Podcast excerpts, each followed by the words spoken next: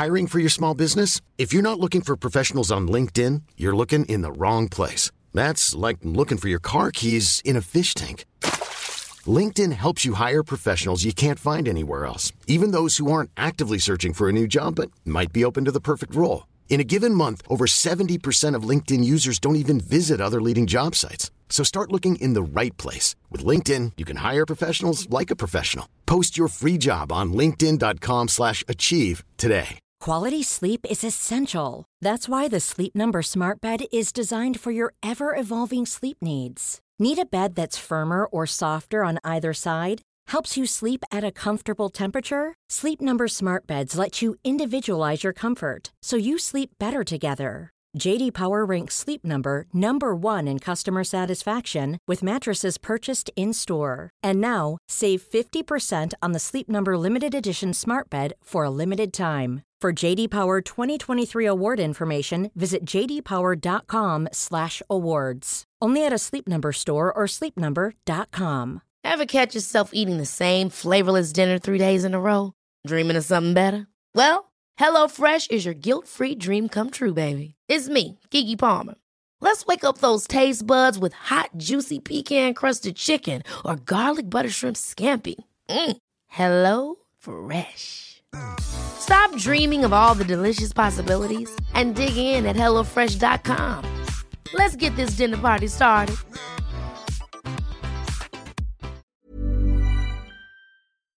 Lindsay Busiak var en 24-årig kvinna som bodde i staden Victoria i Kanada. Hon var precis i början av sin karriär som mäklare när hon tog emot ett samtal från en kund som ville boka tid för att titta på ett av de dyrare husen som var till salu.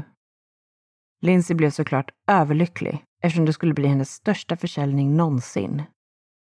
Trots detta sa magkänslan att någonting inte kändes helt rätt. Hon valde ändå att visa huset för den potentiella köparen den 2 februari 2008 och hittade senare brutalt mördad i ett av husets sovrum. Och än idag anses det här vara ett av Kanadas mest omtalade olösta mordfall. Och man har fortfarande inte kunnat förstå vad det egentligen fanns för motiv bakom den här fruktansvärda gärningen.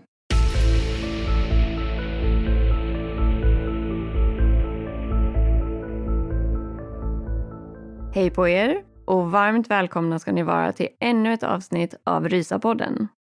Och som ni fick höra här i introt så ska vi ju i den här veckans avsnitt prata om mordet på Lindsay Busiak. Och det här är ett fall som har blivit väldigt uppmärksammat och diskuterat i flera olika artiklar, poddar och dokumentärer. Och i vanlig ordning när det gäller just olösta fall så finns det ju dessutom en hel del teorier i det här fallet. Ja, och vissa av de här är mer baserade på fakta och andra skulle nog snarare kunna beskrivas som ren och skär konspirationsteori. Men det som dessvärre aldrig har kunnat besvaras är själva frågan kring vad som faktiskt hände Lindsay och framförallt varför hon råkade ut för det överhuvudtaget. Så än idag, drygt 12 år senare, så är det här mordet fortfarande olöst. Ja, och som sagt går ju faktan och konspirationerna lite hand i hand i det här fallet och det har ofta beskrivits som ett spindelnät av teorier. Men vi har i alla fall gjort vårt allra bästa för att försöka nysta fram det som vi ser som relevant och som är mer baserat på fakta. Men självklart finns det betydligt mer information där ute för de som är lite konspiratoriskt lagda och skulle vilja gräva vidare i det här fallet på egen hand senare. Det gör det verkligen. Och vi kommer även komma in lite mer på det i slutet av avsnittet. Men här och nu tycker jag helt enkelt att vi sätter igång och i vanlig ordning tar vi och börjar med lite välbehövlig bakgrundsinformation.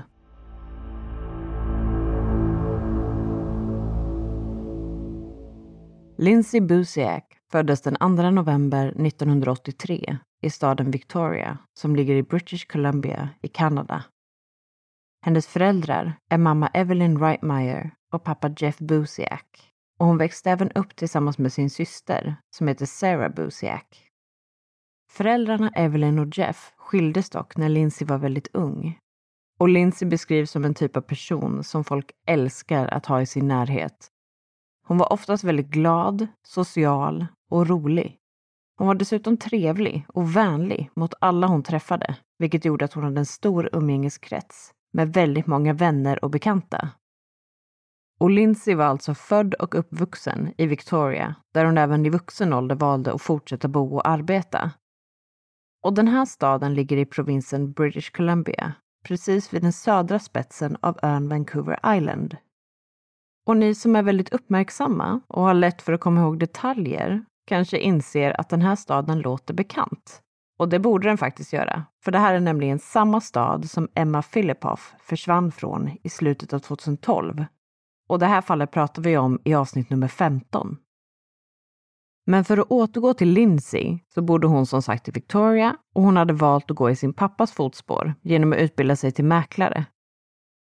Mäklaryrket kom naturligt för Lindsay då det handlade till stor del om att vara social och utåtriktad och det passade henne därför perfekt. Hon var framför allt väldigt bra på att hantera människor och få andra att känna sig bekväma. Och Lindsay hade ganska nyligen avslutat sin utbildning som mäklare när hon fick ett jobb på en mäklarfirma i Victoria som heter Remax Commercials. Det här är ett nätverk av olika mäklarfirmor och just det här kontoret drevs vid den här tidpunkten av en kvinna vid namn Shirley Salo. På samma kontor jobbade även Shirleys två söner, Jason och Ryan Salo. Lindsay hade studerat tillsammans med Ryan och det var sen genom honom som hon fick jobbet på Remax Commercials. Det var också i samband med det här som hon träffade hans bror Jason och de då blev ett par. Och år 2008 hade de varit ett par i drygt ett års tid. Och Jason har av Lindsays pappa beskrivits som någon som verkligen avgudade Lindsay, men som också kunde vara ganska så svartsjuk och överbeskyddande. Och det här var någonting som Lindsay ska ha gett uttryck för att hon tyckte var lite jobbigt. Men i stort så verkade de vara ett väldigt lyckligt par och vid den här tidpunkten var Lindsay alltså 24 år gammal och hade en lovande mäklarkarriär framför sig. Men sen kom den dagen när allt skulle komma att förändras. Och mer exakt så var det här torsdagen den 31 januari 2008. Lindsay hade då jobbat som mäklare i drygt ett år och tog den här dagen emot ett oväntat telefonsamtal men märkligt nog så kom det här samtalet inte in via hennes jobbtelefon och det numret som syntes på alla mäklaraffischer och i övriga jobbsammanhang. Utan det här samtalet kom istället in via hennes egna, privata telefon. Det var då en kvinna som ringde och hon förklarade för Lindsay att hennes man hade fått ett nytt jobb i Victoria och att det därför var brådskande för dem att få till en flytt. Och det här var ju som sagt på en torsdag och kvinnan i telefonen förklarade att hon och hennes man skulle komma ner till Victoria redan under helgen för att gå på visningar och köpa sitt nya hus. Den här kvinnan hade också väldigt specifika kriterier kring det här huset. Hon önskade nämligen att det skulle finnas ett större sovrum och åtminstone tre extra sovrum och tre badrum. Huset var tvunget att vara redo att flytta in i direkt och det behövde dessutom finnas extra yta för deras barnflicka att bo på. Bostaden fick ligga max 15 till 20 minuter från stan och de ville ha ett hus i prisklassen uppemot en miljon dollar, vilket med dagens valutakurs skulle vara ungefär 9 miljoner svenska kronor. Och det här lät ju såklart som den ultimata drömmen för nyutbildad och ambitiös mäklare men enligt flera källor så kunde Lindsay ändå inte riktigt skaka av sig känslan av att någonting inte kändes helt rätt med det här samtalet. En av sakerna som Lindsay tyckte var konstig var att de hade ringt till just henne, som var en relativt nyutbildad mäklare, istället för att kontakta någon av hennes mer erfarna kollegor. Och utöver det så hade de ju som sagt ringt på hennes privata telefon snarare än hennes jobbtelefon, Lindsay valde därför att fråga kvinnan om det här. Och kvinnans svar var då att hon hade blivit rekommenderad att vända sig till just Lindsay av en annan, tidigare kund till henne och att hon hade fått numret av dem. Trots den här förklaringen så kände sig Lindsay fortfarande lite fundersam. Så hon valde därför att ringa upp den här personen som kvinnan hänvisade till som skulle varit en tidigare kund till Lindsay men oturligt nog så var den här personen bortrest och gick av någon anledning inte att komma i kontakt med överhuvudtaget. Det fanns därför ingen möjlighet för Lindsay att få den här informationen bekräftad och veta om det faktiskt var så det hade gått till. Det fanns också en annan sak som Lindsay tyckte var lite märklig och den här detaljen nämnde hon även för sin pappa Jeff. Hon hade nämligen reagerat på att kvinnan i telefonen pratade med någon form av latinamerikansk eller spansk brytning, men att den däremot inte lät riktigt äkta. Hon fick snarare känslan av att rösten gjordes till och att det inte var genuint. Men även om Lindsays magkänsla sa henne att någonting inte stod helt rätt till, så var det här verkligen en så pass stor affär att hon helt enkelt inte kunde tacka nej till den. Hon kände dock en tillräckligt stor oro för att vilja ha lite extra förstärkning med sig under visningen. Lindsay bad därför sin pojkvän Jason att närvara vid själva visningen ifall det faktiskt skulle visa sig vara något konstigt med den här situationen. Och det här lugnade både Lindsay själv och hennes pappa. Jason var nämligen en gammal hockeyspelare som var ungefär 190 centimeter lång och vägde över 100 kilo. Och efter att de hade kommit överens om den här lösningen så började Lindsay söka efter det perfekta huset och visa upp för sina nya kunder som hon gav smeknamnet The Mexicans. Hon hittade till slut ett hus som passade in på deras kriterier och som låg i ett fint område på adressen 1702 DeSouza Place. Det här var i förorten Saanich som ligger ungefär sex minuters bilfärd från centrala Victoria. Och det här var ett väldigt vackert och nybyggt hus som låg beläget på en återvändsgata. Vid den här tidpunkten stod huset dessutom tomt och hade ett utgångspris på strax under en miljon dollar. Med andra ord uppfyllde den här bostaden väldigt många av kundens specifika krav. Lindsay bokade in att visningen skulle ske på lördagen den 2 februari klockan 17.30. Alltså bara två dagar efter att hon tog emot det allra första samtalet från den okända kvinnan under torsdagen den 31 januari. Och under den här lördagen, när visningen skulle äga rum, så var Lindsay och Jason ute och åt en sen lunch på en restaurang som hette SAS. De tog varsin bil dit och lämnade sedan restaurangen strax innan klockan 16.30 och även då körde de varsin bil. Jason behövde nämligen uträtta några egna jobbärenden innan han skulle möta upp Lindsay igen för att vara med och stötta henne vid visningen. Han jobbade ju också som mäklare inom samma företag som Lindsay och hade en bilverkstad som han höll på med en fastighetsförsäljning åt. Han behövde därför åka förbi där och fixa några saker efter att han och Lindsay hade ätit lunch tillsammans.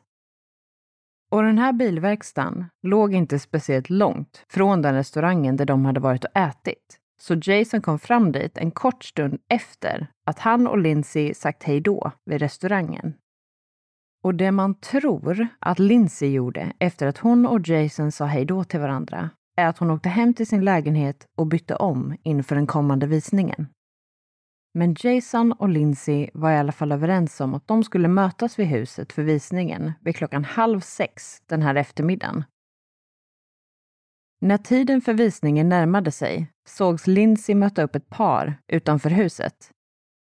Och den här informationen kommer från vittnen som befann sig utanför huset vid den här tidpunkten.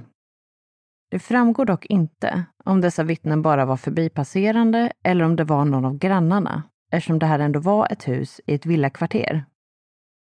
Enligt uppgifter från dessa vittnen så ska i alla fall Lindsay och paret ha hälsat artigt på varandra på ett sätt som indikerade att de aldrig hade träffats tidigare. Vittnena har beskrivit att kvinnan såg ut att vara i 35 till 40 års åldern, att hon hade blont hår och hade på sig en färgglad klänning. Den blonda frisyren såg dock inte helt äkta ut och hade lite av ett utseende som påminde om en peruk. Mannen i paret har beskrivits som en vit man med mörkt hår som var välklädd och ungefär 180 centimeter lång. Lindsay och det här paret möttes som sagt upp utanför huset och därefter gick de tillsammans in i huset. Och från att de gick in tror sig polisen ha en ganska så tydlig uppfattning och tidslinje kring vad som skedde, även om det såklart inte var lika tydligt varför det skedde.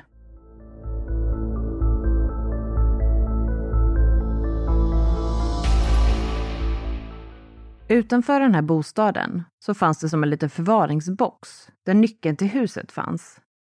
Den här boxen registrerades ha öppnats vid klockan 17.29 alltså en minut i halv sex. Och det här var ju när Lindsay tog ut nyckeln och alla tre gick in i huset. Lindsay visade sedan nedervåningen av huset och därefter gick de tillsammans upp för trappan till övervåningen för att kolla på sovrummen. Efter att visningen har pågått i ungefär 11-12 minuter så ska mordet ha ägt rum. Och anledningen till att man vet det här är på grund av att det finns ett registrerat utgående samtal från Lindsays mobiltelefon klockan 17.41. Och polisen misstänker att just det här samtalet är en fickringning som skedde i samband med att hon blev attackerad. Det här samtalet gick till en av Lindsays vänner som hon inte hade pratat med på väldigt länge och det resulterade till slut i ett röstmeddelande. Och det enda som hörs på det här röstmeddelandet är någon form av dämpat ljud. Enligt polisens bedömning blev Lindsay attackerad bakifrån i ett av sovrummen. Hon hann alltså inte se vad som hände innan det var för sent och hade därför heller ingen möjlighet att hinna försvara sig.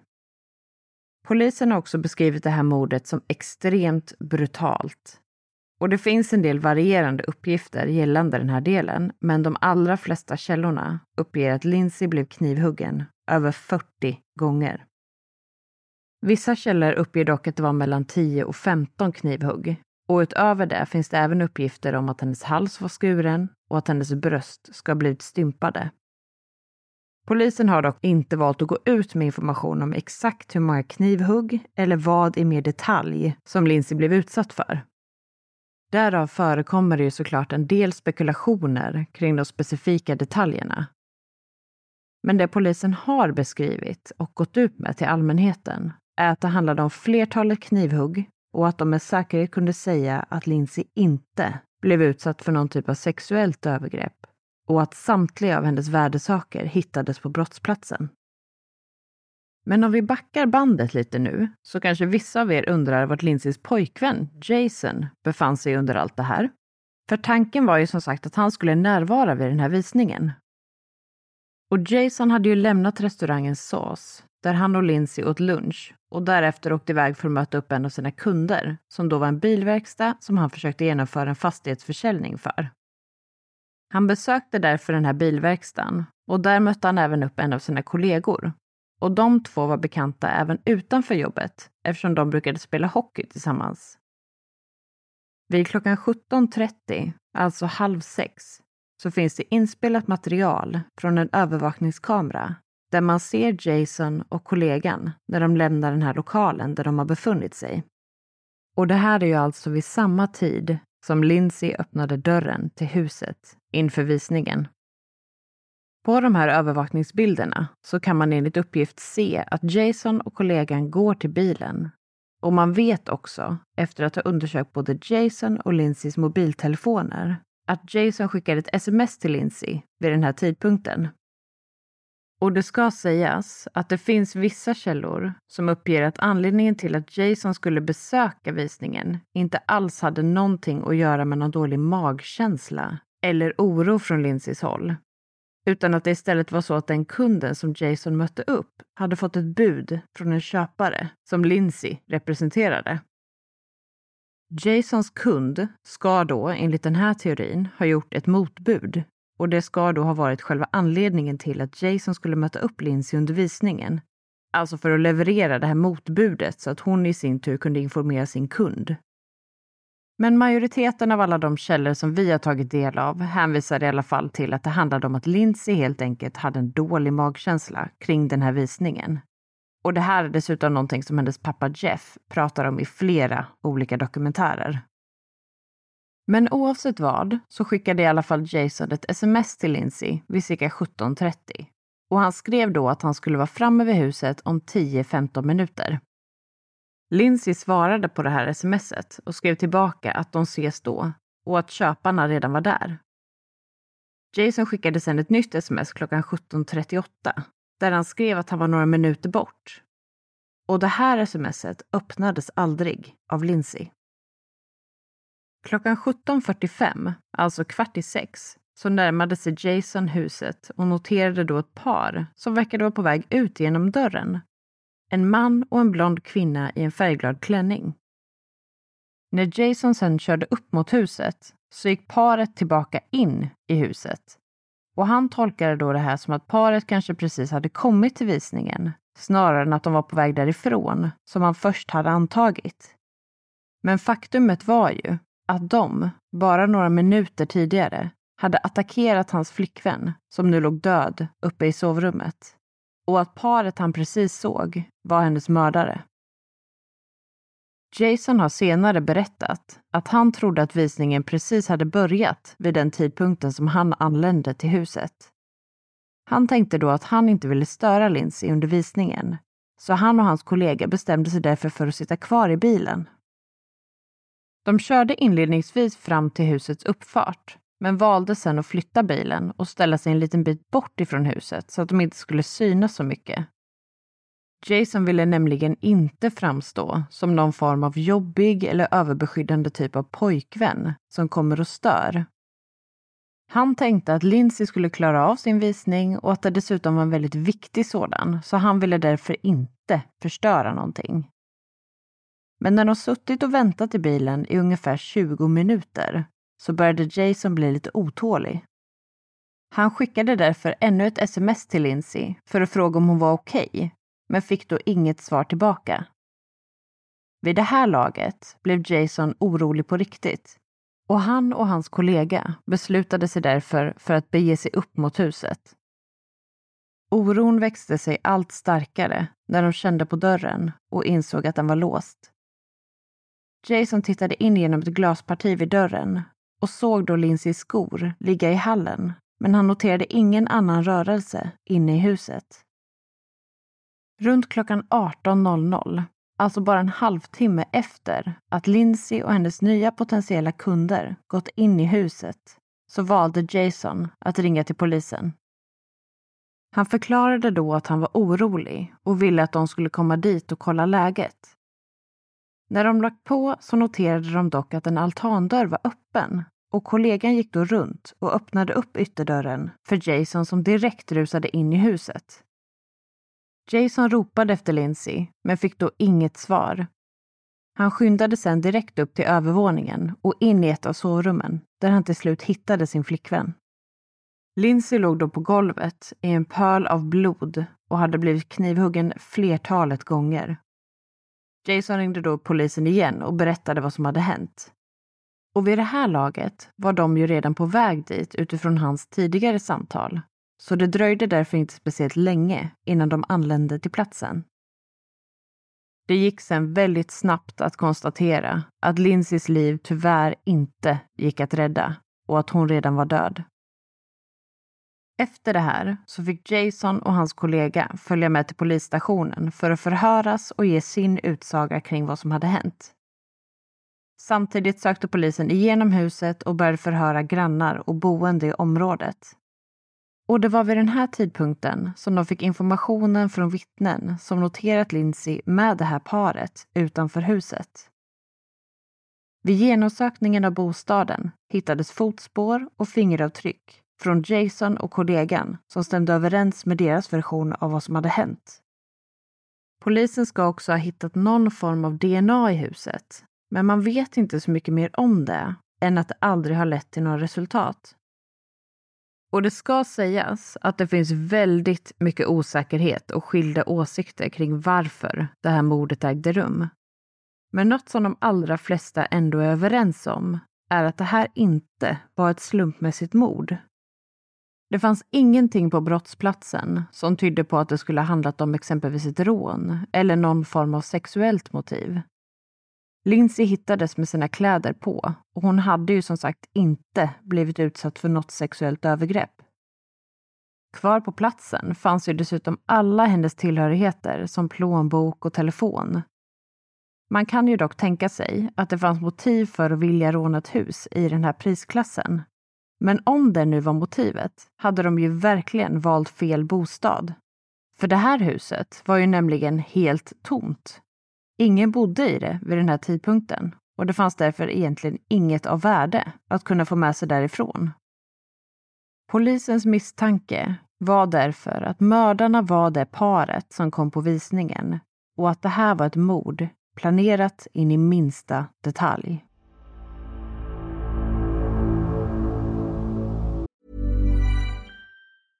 Hey, it's Paige DeSorbo from Giggly Squad. High quality fashion without the price tag. Say hello to Quince. I'm snagging high-end essentials like cozy cashmere sweaters, sleek leather jackets, fine jewelry, and so much more. With Quince being 50 to 80% less than similar brands. And they partner with factories that prioritize safe, ethical, and responsible manufacturing. I love that. Luxury quality within reach. Go to quince.com slash style to get free shipping and 365 day returns on your next order. Quince.com slash style. Hold up. What was that? Boring. No flavor. That was as bad as those leftovers you ate all week. Kiki Palmer here, and it's time to say hello to something fresh and guilt-free. Hello Fresh. Jazz up dinner with pecan-crusted chicken or garlic butter shrimp scampi. Now that's music to my mouth. Hello Fresh. Let's get this dinner party started. Discover all the delicious possibilities at hellofresh.com.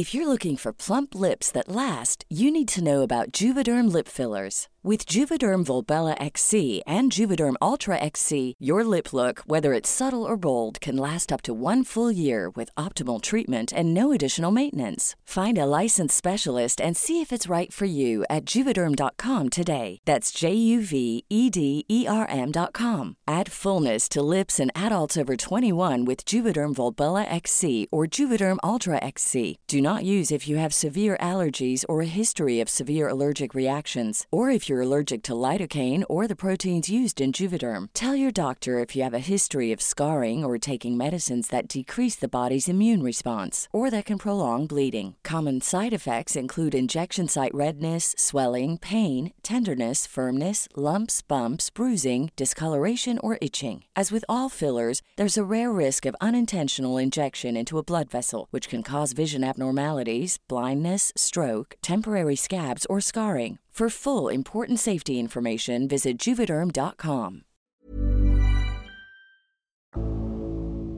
En viktig och värdefull ledtråd som polisen ändå hade var ju Lindsays mobiltelefon som också hade lämnats kvar på brottsplatsen.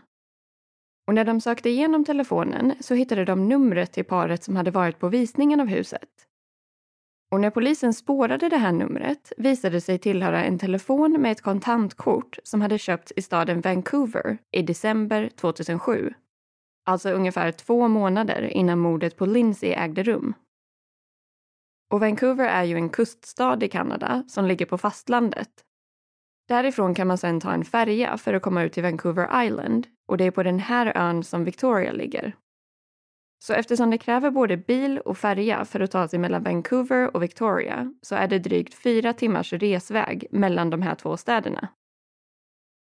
Men det var alltså i Vancouver som telefonen hade införskaffats och det registrerade namnet för det här köpet visade sig vara en Paolo Rodriguez, ett namn som polisen anser är fejkat.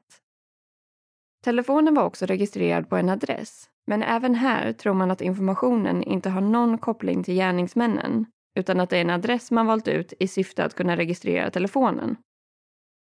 Men polisen kunde i alla fall se att flertalet samtal hade gjorts till Lindsay, varav det första ska ha ägt rum torsdagen den 31 januari.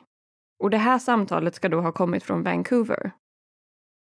Och fredagen den 1 februari ska telefonen ha pingat vid en mast på Vancouver Island där Victoria ligger. Och det här var alltså dagen innan mordet. Det allra sista samtalet från den här telefonen till Lindsays telefon ringdes lördagen den 2 februari, alltså under morddagen. Och den här mobiltelefonen hade bara använts för att ringa till Lindsay.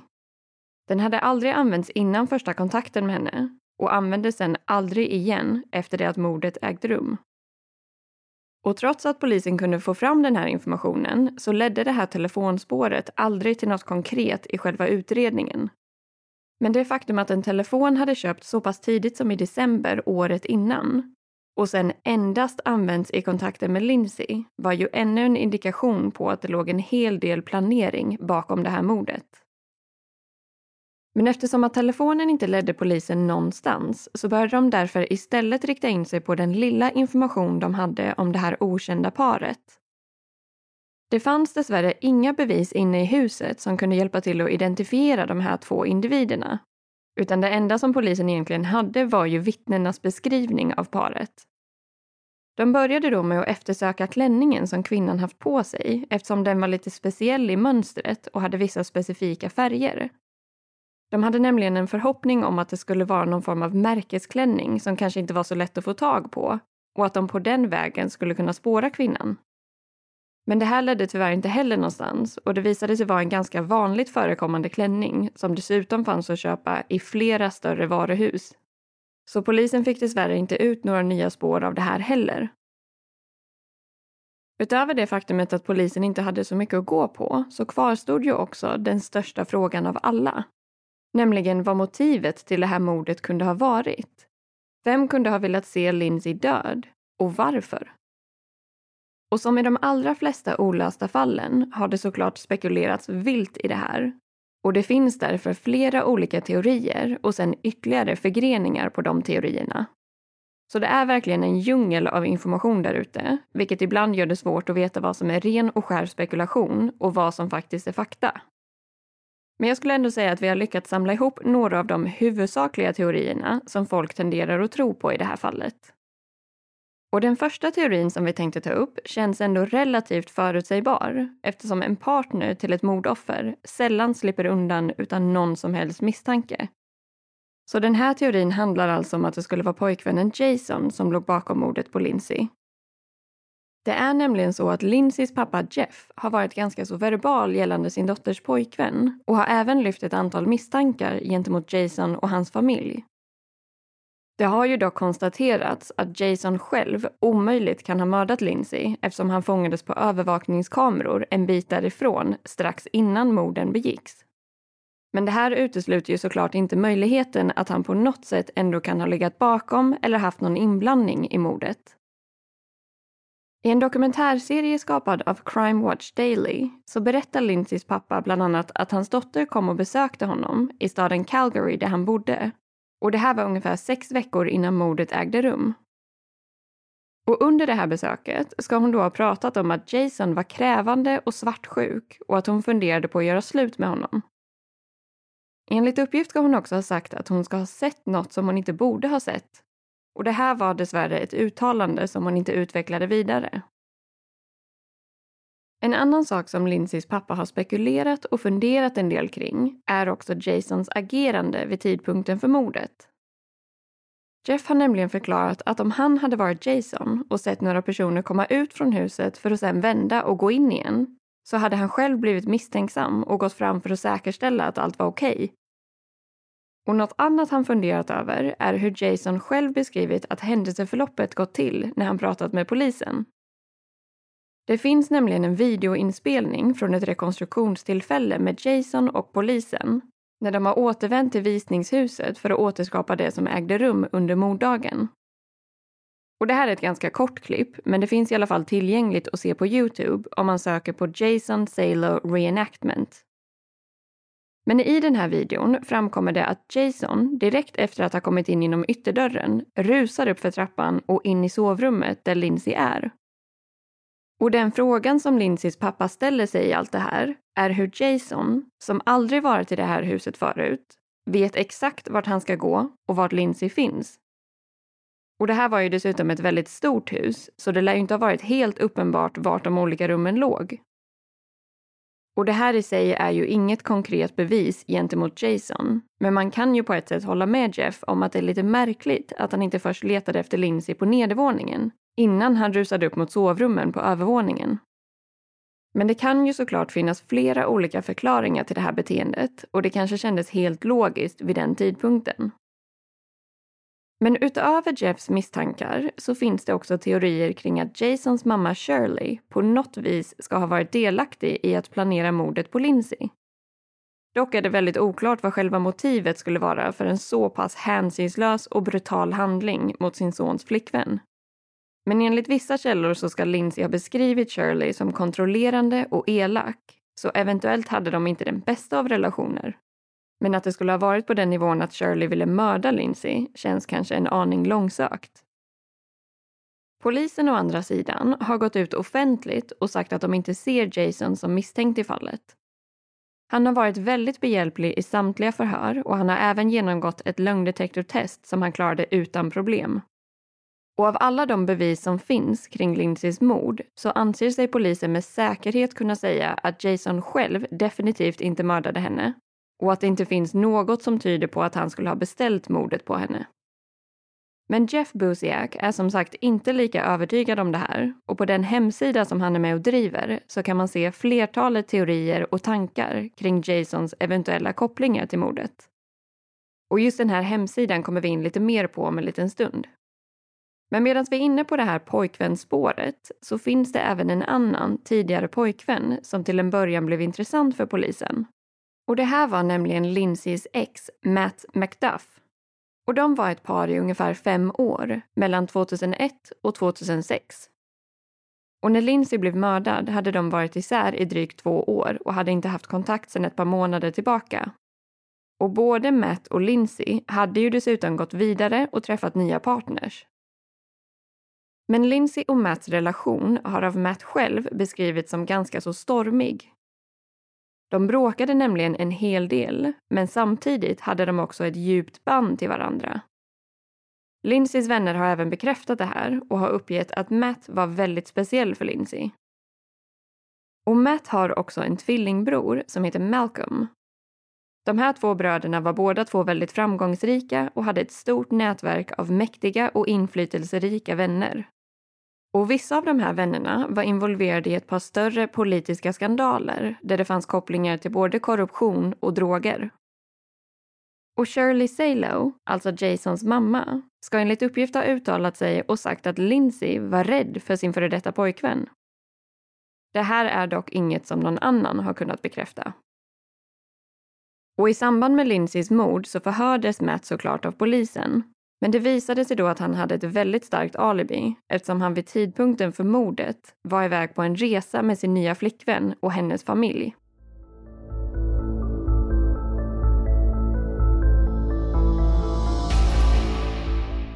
Sammanfattningsvis skulle man väl kunna säga att Lindsays före detta pojkvän hade en del suspekta kontakter.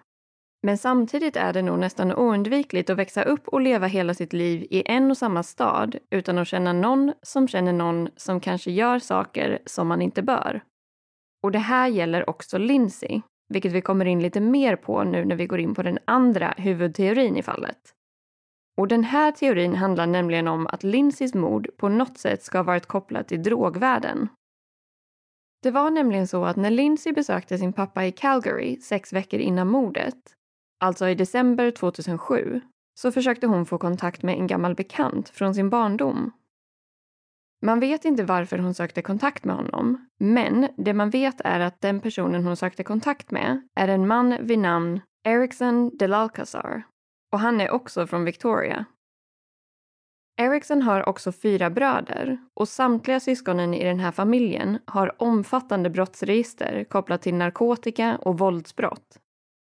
Och värt att notera är också att bröderna Delalcazar också känner bröderna Macduff, alltså Lindsays ex Matt och hans bror Malcolm.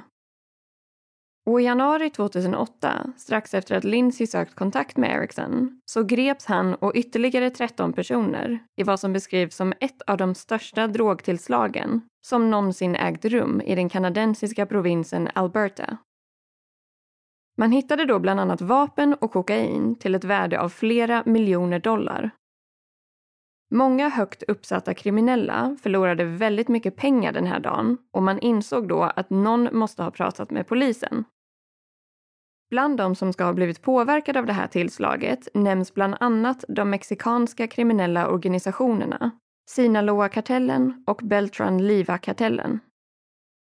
Och polisen har beskrivit att det blev en väldigt hotfull situation när de här människorna försökte få fram vem som ska ha läckt information. Och bland annat blev folk uppväckta och hotade mitt i natten. Och det gick sen ganska exakt en vecka efter det att Ericsson greps tills dess att mobiltelefonen som användes för att kontakta Lindsay aktiverades. En teori har därför varit att Lindsay på något sätt ska ha blivit syndabocken för det här och att de kände att de behövde bevisa att den här typen av beteende inte går obemärkt förbi. Sanningen är dock att Lindsay absolut inte arbetade som någon form av informatör för polisen eller på något sätt var inblandad i det här. Så om den här teorin stämmer är ju den stora frågan hur just Lindsay blev utvald att stå som syndabock. Och många säger då att det egentligen bara handlar om tillfälligheter. Att man helt enkelt behövde en syndabock och utifrån dålig information och olyckliga tillfälligheter ska det då på något sätt ha lett till just Lindsay. Och det ska sägas att det finns väldigt många personer som florerar i hela den här härvan. Men en av dessa är en kvinna vid namn Rianne Gracia. Hon var nämligen kompis med Lindsay och de jobbade även tillsammans. Och Rianne hade enligt uppgift kopplingar till högt uppsatta personer inom de här kartellerna, bland annat bröderna de L'Alcazar. Det var också Rianne som la in informationen om det huset som Lindsay senare blev mördad i. Med andra ord hade hon ju därför tillgång till all information som Lindsays mördare skulle behöva för att kunna genomföra mordet. Och en annan suspekt detalj i det här är också att Rianne valde att säga upp sig från jobbet dagen efter att Lindsay blivit mördad, utan att egentligen ange någon konkret orsak. Och hon har dessutom valt att inte samarbeta med polisen i utredningen eller ens genomföra ett lögndetektortest. Men som sagt hade ju Lindsays före detta pojkvän en del kopplingar till den kriminella världen.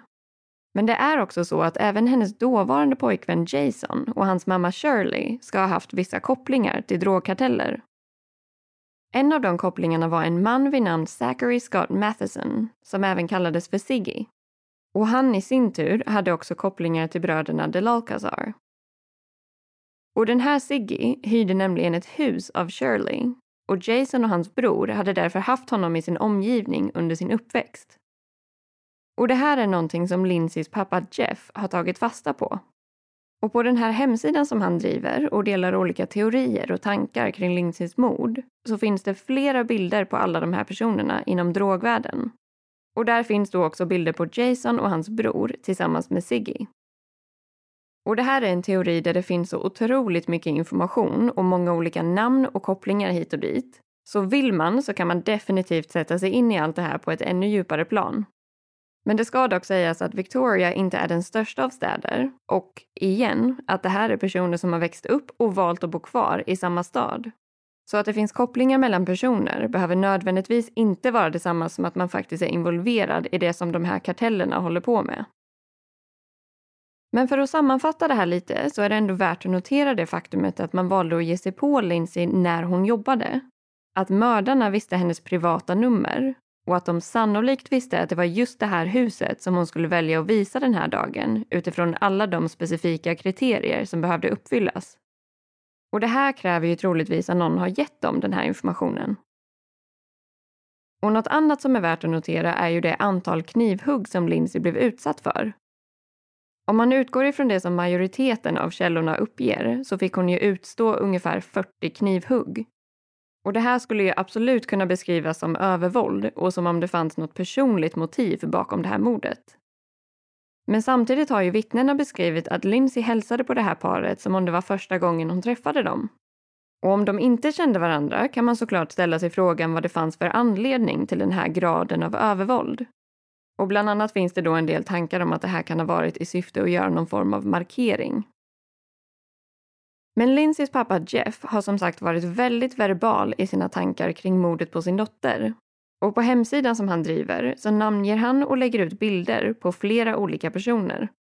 Och den här sidan heter lindsaybuziakmurder.com så ett tips om man skulle vilja fördjupa sig ännu mer i konspirationerna kring det här fallet är både att kolla in på den här hemsidan som Lindsays pappa är med och driver, men också att lyssna på den australiensiska podcasten Case File True Crime.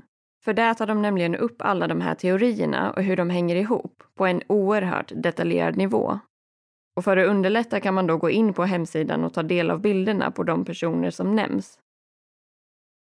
Men givetvis kan man ju förstå att Jeff som förälder vill ha svar och därför gör allt i sin makt för att komma dit. Men polisen har dock tagit avstånd från det här och beskriver att det hela har eskalerat och blivit lite av en häxjakt. De har också uttryckt och förklarat för Jeff att om de någon gång hittar den eller de skyldiga till mordet så skulle allt som skrivs på hemsidan eventuellt kunna påverka en kommande rättegång negativt och Jeff själv säger att han aldrig kommer sluta söka efter den eller de som har mördat hans dotter. Och han har tagit emot flera hot baserat på det han sagt i media och på hans hemsida. Och oavsett om de är skyldiga eller inte så är många av de här personerna fortfarande farliga individer med omfattande brottsregister bakom sig. Det här skrämmer dock inte Jeff som säger att ingen hittills har agerat på sina hot. Han fortsätter därför sitt arbete med att belysa mordet på Lindsay och han har varit med i flera olika dokumentärer och gästat tv-program som Dateline NBC och Dr. Phil Show för att prata om fallet. Jeff har också sedan mordet ägde rum arrangerat en så kallad Walk of Remembrance för sin avlidna dotter. Och den här minnesceremonin är alltså en promenad som sker den 2 februari varje år och ibland har uppemot 500 personer deltagit. Jeff själv uppger att han är kritisk gentemot polisens arbete och beskriver det som bristfälligt. Han har därför via sin hemsida försökt bedriva sin egen utredning tillsammans med några andra volontärer. Och han har förklarat att han genom åren har fått en tydligare bild av vad som hänt, men att det fortfarande bara är delar av sanningen. Han, liksom många andra, tror att polisen vet mer än vad de säger och att de vet vilka som har mördat Lindsay, men att de inte kan arrestera någon utan konkreta bevis. Och polisen har varken bekräftat eller dementerat det här påståendet. Och i den här podcasten som jag precis nämnde, Case File True Crime, så uttalar sig polisen om det här och säger då att det är väldigt troligt att någon av de personer som de haft kontakt med under utredningen faktiskt också sitter på de svaren som de behöver för att kunna lösa fallet. Och Jeff säger att han aldrig någonsin kommer sluta söka efter svaren kring Lindsays mord. Och i den här dokumentärserien av Crime Watch Daily som vi nämnde tidigare i avsnittet så berättar Jeff om tillfället då han fick identifiera sin dotters kropp på bårhuset. Han förklarar då hur han höll om henne och lovade att aldrig ge upp förrän de skyldiga hade åkt fast. Och Jeff har också uppgett att det enda som kan få honom att sluta är om han dör och att det här är hans enda syfte på jorden. År 2017 publicerades ett inlägg på ett forum som finns på den hemsidan som Jeff driver. Och det här meddelandet började med frasen “Jag mördade Lindsay och de korkade poliserna kommer aldrig kunna bevisa det, så ni har ingenting att gå på. Och i det här meddelandet är Lindsays namn felstavat och trovärdigheten i det här meddelandet har väl bedömts som ganska så låg. Det som däremot framkommer i meddelandet är vissa namn som har kopplingar till de drognätverk som har varit intressanta sedan tidigare i utredningen. Och i vår research har vi hittat någon enstaka sida som pekar på vem som ska ha skrivit det här inlägget. Och enligt den här källan ska det då vara någon småkriminell man i Victoria men som sagt verkar det här inte vara bekräftad fakta och därför kändes det inte heller värt att utveckla mer än så. Men det som många tror är i alla fall att de här personerna som figurerar i utredningen och som har diverse kriminella kopplingar faktiskt vet mer än vad de säger.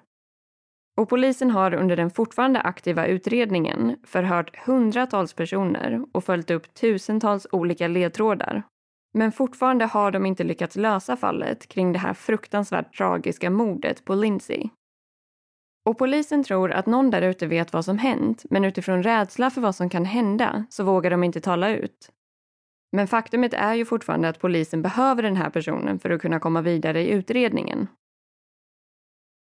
Och själva huset där visningen och mordet ägde rum har sedan dess sålts vidare och är idag någons hem.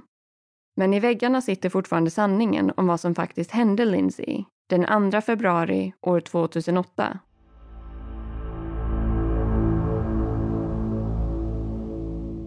Jag måste nog ändå säga att jag delvis köper Jeffs funderingar kring Jason. För när man kikar på videon från den här rekonstruktionen som polisen hade med Jason så får man faktiskt lite av en konstig känsla kring det hela. För det här är verkligen ett stort hus och han går då rakt in genom ytterdörren och springer direkt upp för trappan där han hittar Lindsay i sovrummet. Varför skulle det vara ens första reaktion att leta just där? Och framför allt, hur hittar man rätt så fort i ett hus som dels är enormt och som man aldrig har varit i tidigare? Ja, alltså jag förstår verkligen vad du menar med den här tanken. Men jag tänker att en förklaring skulle kunna vara att hans kollega som var med honom kanske redan hade fått en hyfsad överblick kring nedervåningen. För han ska ju ändå ha gått in i huset via bakvägen och sen låst upp ytterdörren åt Jason. Så han kanske helt enkelt antog att det inte fanns något att se där nere och därför begav sig direkt till övervåningen. Och det kan ju faktiskt också bara ha varit en slump att han hittade Lindsay så pass snabbt bland sovrummen. Och sen ska man ju inte heller glömma att han säkert var väldigt orolig och till och med smått panikslagen vid den här tidpunkten. Och i det tillståndet kanske man inte heller är helt logisk och strategisk när man letar igenom ett stort och okänt hus. Men jag kan hålla med om att det absolut känns lite märkligt att Jason på något vis bara kände på sig att han skulle leta i sovrummet på ovanvåningen direkt när han kom in.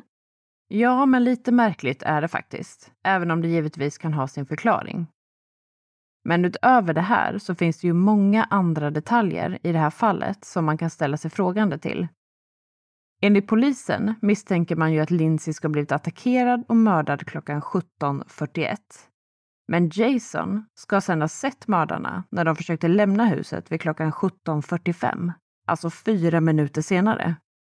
Och oavsett om Lindsay blev knivhuggen 10 gånger eller 40 gånger, hur hinner man utföra en sån gärning, förflytta sig till nedervåningen och vara på väg att lämna huset på bara fyra minuter? Ja, det där är faktiskt en väldigt rimlig fråga. Och man kan ju också fundera över hur man kan överfalla och knivhugga en person flera gånger inom loppet av bara några minuter och inte lämna mer spår efter sig på platsen. För även om de hade planerat allting väldigt noga innan så måste det ju fortfarande ha gått så otroligt snabbt när det väl hände. Och slutligen undrar man ju också hur ingen kan ha sett det här paret efteråt. För under den tiden som mordet begicks lär de ju ha blodat ner sig ganska så rejält. Men vad jag förstått så beskrev inte Jason att de hade massa blod på sig när han såg dem i dörren vid 17.45 när de redan ska ha mördat Lindsay. Och inom den tidsramen som de hade inne i huset så lär det ju knappast ha funnits tid att byta om till rena kläder. Så det finns ju i alla fall en hel del saker att fundera över. Men det här är ju verkligen också bara några av alla de frågor som finns. Ja, och i vanlig ordning när det gäller sådana här typer av fall så finns det ju tyvärr inga vidare svar eller förklaringar att matcha ihop de här frågorna med. Men förhoppningsvis kommer Jeffs hårda arbete någon gång att löna sig så att han kan få hålla det löfte som han gav till Lindsay efter hennes död. Ja, för det vore ju verkligen otroligt sorgligt om han själv skulle gå bort innan han fick veta sanningen kring mordet på Lindsay. Så man får helt enkelt hoppas att det här fallet en vacker dag kan rubriceras om från olöst till löst. Och om ni som lyssnar sitter på några bra teorier eller tankar i det här fallet får ni såklart mer än gärna dela dem med oss. Och det enklaste sättet att komma i kontakt med oss är genom Facebook eller Instagram där vi heter Rysapodden. Och som alltid säger vi stort tack för att just du har valt att lyssna på det här avsnittet av Rysarpodden.